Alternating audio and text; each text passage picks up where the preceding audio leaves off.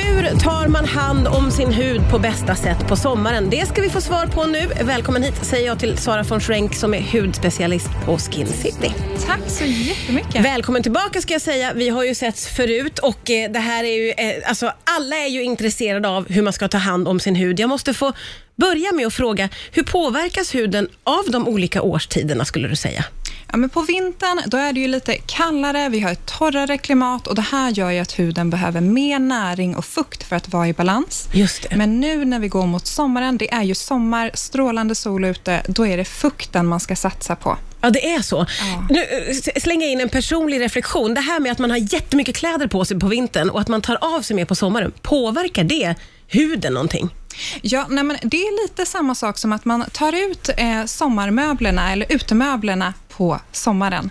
Så att man behöver väldigt lite liksom, näring på sommaren och satsa på fukten istället. Och hur tycker du att man ska förbereda sin lite kanske vintertrötta hud nu då när man går in i juni och sol och värme? Ja, men då tycker jag solskyddet självklart, det ska vi komma tillbaks till, men även kanske lägga i en peeling, för då får vi bort de här torra, tråkiga hudcellerna och fram kommer lysten, en jämnare hudton och det är optimalt för att huden ska få en fin solkysst nyans under sommaren.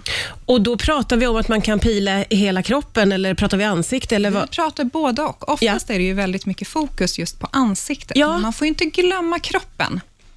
Nej men precis, och det är ju exakt det som, alltså, det är det som känns som att man nästan packar upp ett paket som man inte vill packa upp när man kommer från vintern och börjar klä av sig.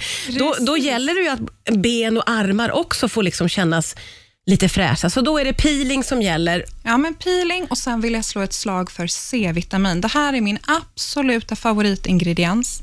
C-vitamin är en fantastisk antioxidant som skyddar huden, du får lyster, den minskar pigmenteringar, rynkor. Ja, men du hör ju, den är en fantastisk ingrediens som vi ska kika efter. Ja, men verkligen. Eh, och Sen så var du ju inne på det här att eh, när sommaren kommer, då blir det otroligt viktigt med solskydd. Och Det här är ju en sån sak som vi alla vet. Ändå kan det vara lite si och så med själva användandet. Vad är viktigt att tänka på, tycker du Sara? Men att komma ihåg solskyddet varje dag, minst SPF 30, gärna 50 och speciellt nu när sommaren är här, för solen är stark. Ja, men det är den ju. Och du, du nämnde för mig här under låten att du var ute och promenerade och såg folk som solade i söndags. Ja. Och, och när den här första solen tittar fram, eh, då ska man veta att den kan vara väldigt stark. Ja, och då kan man ju bränna sig och solen är den allra största faktorn till pigmenteringar, till rynkor och så vidare. Så det är ju viktigt att ta hand om huden så att man inte bränner sig. Mm. Och eh, Hur ska man tänka då för att komma ihåg? Vad kan man göra för att underlätta för sig själv? Ja, det man kan göra, det finns ju jättesmidigt idag, att man har en kräm och ett solskydd i ett. Då, kommer man, då blir det ju lite kortare process på morgonen. Kanske man har sitt serum och sen det här solskyddet och krämen i ett. Ja, just Men det. sen vill jag också påminna om att om man är ute en hel dag så är det jätteviktigt att man återapplicerar sitt solskydd. Ah, hur ska man tänka där? Hur ofta ska man sätta på igen? Ja, men är du ute en hel dag, det är väldigt soligt, då skulle jag säga varannan timme. Speciellt, vi säger att du tar en glass med en kompis och sen går ni och badar. Du kommer upp och sen torkar du dig med handduken. Då har ju mycket av solskyddet försvunnit.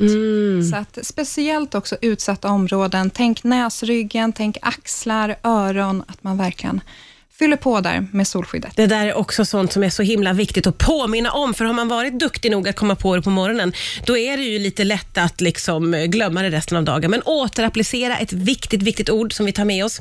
Eh, om det nu är så då att man ändå blir bränd eh, och har varit ute för länge eller glömt bort, vad, vad kan man göra då? Ja, men det händer den bästa. Jag har bränt mig, alla har vi varit där. Då skulle jag säga att man verkligen adderar milda produkter, kanske en ingrediens som aloe vera för att lugna huden och sen att man eh, tar på kläder på det området där du har bränt dig så länge som huden är då röd. För då är det verkligen viktigt att vårda och lugna. Ja, just det, då måste man skydda, då ska man inte rakt ut i solen igen naturligtvis. Nej, det är då... det sämsta du kan göra. Det är det sämsta, det var tydliga besked. Det är det absolut sämsta.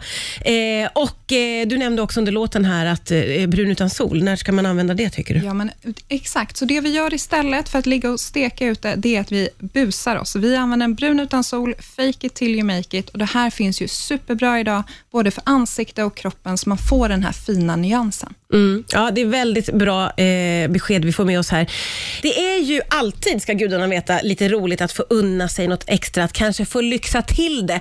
Och om vi ska få lyxa till det för huden nu i sommar, vad skulle du rekommendera då, då Sara? Ja, men då skulle jag säga en härlig fuktmask. Man kan säga lite att solen snor lite hudens fuktdepåer, så det är jätteviktigt att addera fukt, serum, mask, eh, kräm, Ja, och en sån fuktmask, hur fungerar den då? Ja, men det finns lite olika. Antingen en sheetmask, eller en krämmask eller en sovmask. Ja, det finns massor att välja mellan. Ja, Okej, okay. och då finns det också olika prisklasser kan man tänka ja, sig. Och precis. Finns... Det måste ju inte vara superdyrt. Det finns massa olika som är superbra. Och sen också en härlig after sun.